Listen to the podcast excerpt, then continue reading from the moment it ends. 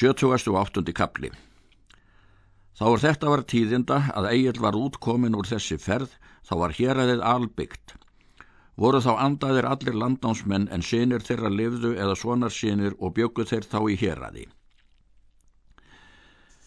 Ketill Guðva kom til Íslands þá er land var mjög byggt. Hann var hinn fyrsta vetur að Guðvuskálum á Rosmkvalanesi.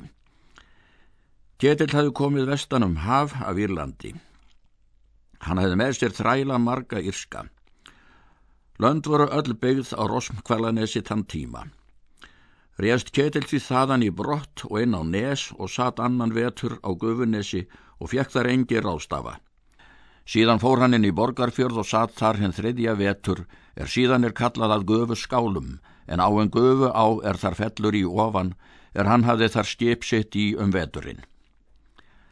Þorður Lambasson bjóð þá á Lambastöðum.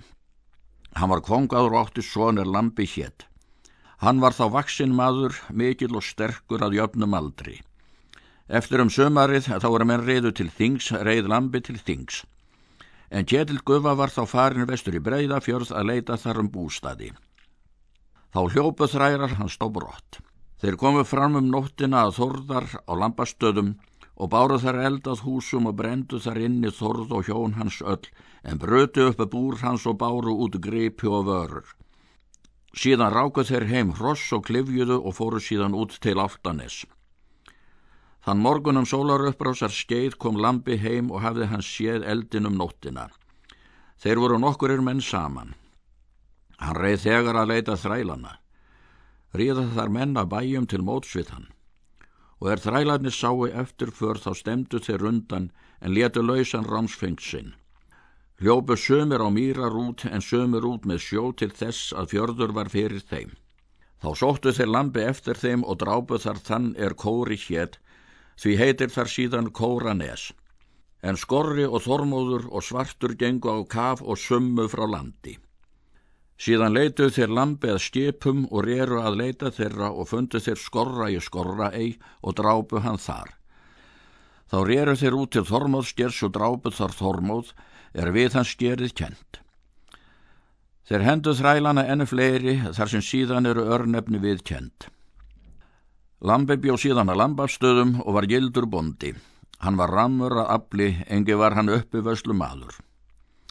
Kjetil Gufa fór síðan vestur í Breiðarfjörð og staðfestist í Þorskaferði.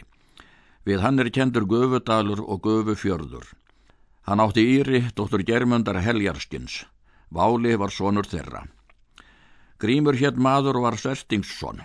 Hann bjóð mósfelli fyrir neðan heiði. Hann var auðugur og ættstór. Rannveig var sýstir hans sammæðra er átti Þóróttur goði í Ölfusi. Var þeirra sonu skafti loksugumadur. Grímur var og lögsögumadur síðan. Hann bað Þordísar Þórólfsdóttur, bróðurdóttur Egils og stjúpdóttur. Egil unni Þordísi engum mun minna en sínum börnum. Hún var hinn fegursta kona. En fyrir því að Egil vissi að Grímur var maður göfugur og sá ráðakostur var góður, þá var það að ráði gert. Var Þordís gift Grími. Leisti Egil þá af hendi föðurarf hennar fór hún til bús með grími og byggu þau lengi að mósfelli.